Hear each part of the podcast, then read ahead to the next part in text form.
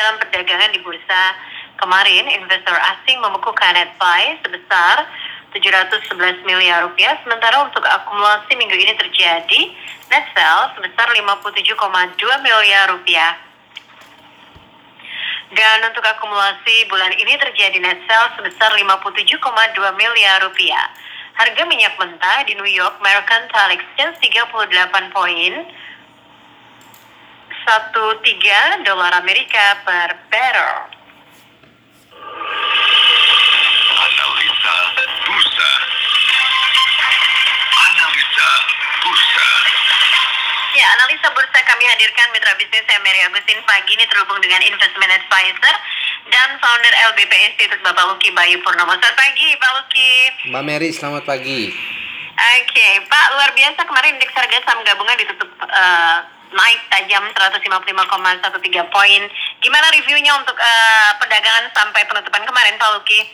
Ya, jadi eh, pertama memang pasar memberikan apresiasi terhadap eh, sentimen yang kita ketahui eh, pemilu Amerika Serikat di mana harapan pasar terhadap eh, Joe Biden itu eh, mendekati eh, pemenuhan syarat-syarat ya. Artinya memang saat ini eh, baik kondisi regional Asia sebelumnya ya yang mengalami kenaikan kemudian eh, kondisi eh, lintas instrumen antara lain adalah komoditi forex kemudian eh, obligasi juga eh, CFD dan ETF itu juga mengalami kenaikan akibat eh, apresiasi tersebut. Nah untuk itu eh, review mengapa indeks eh, menguat dan berhasil menguji level eh, 5200 dan pada akhirnya saat ini eh, ditutup di level 5260 itu memang disebabkan karena apresiasi regional Asia dan global.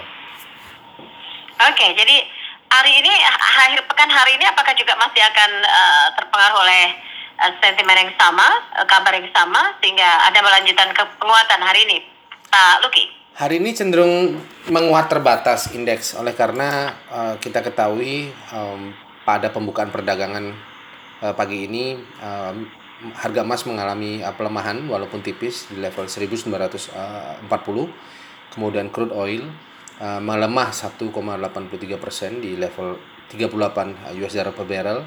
Sementara kondisi dari eh, pre-market itu sendiri juga belum memberikan uh, sentimen yang memadai karena uh, Dow Futures, Nasdaq Futures, S&P Futures itu mengalami pelemahan. Artinya dalam kesempatan akhir pekan ini indeks masih cenderung melemah untuk menguji level 5200 uh, dari angka sebelumnya 5260. Oke, sementara saham-saham yang eh, bisa diakumulasi akhir pekan ini, Pak Luki dari pengamatan Anda, Pak? Pertama kita memperhatikan saham yang memiliki kapitalisasi besar antara lain adalah eh, Bank BRI, kemudian Astra, kemudian eh, BCA dan Bank Mandiri. Nah, emiten-emiten tersebut masih dapat eh, memiliki peluang kenaikan walaupun juga terbatas akan tetapi memang karena kapitalisasi besar dan likuiditas serta volatilitas pasar yang mendukung emiten-emiten tersebut lebih eh, defensif atau mampu bertahan di tengah eh, gejolak sa- akhir pekan ini dan eh, sentimen yang kita ketahui bahwa eh, PDB kita juga kemarin diumumkan mengalami pelemahan eh, minus 3,49 persen eh, dari angka sebelumnya 5,32 persen artinya eh, kita tetap masih berada di zona eh, negatif dalam posisi pertumbuhan GDP.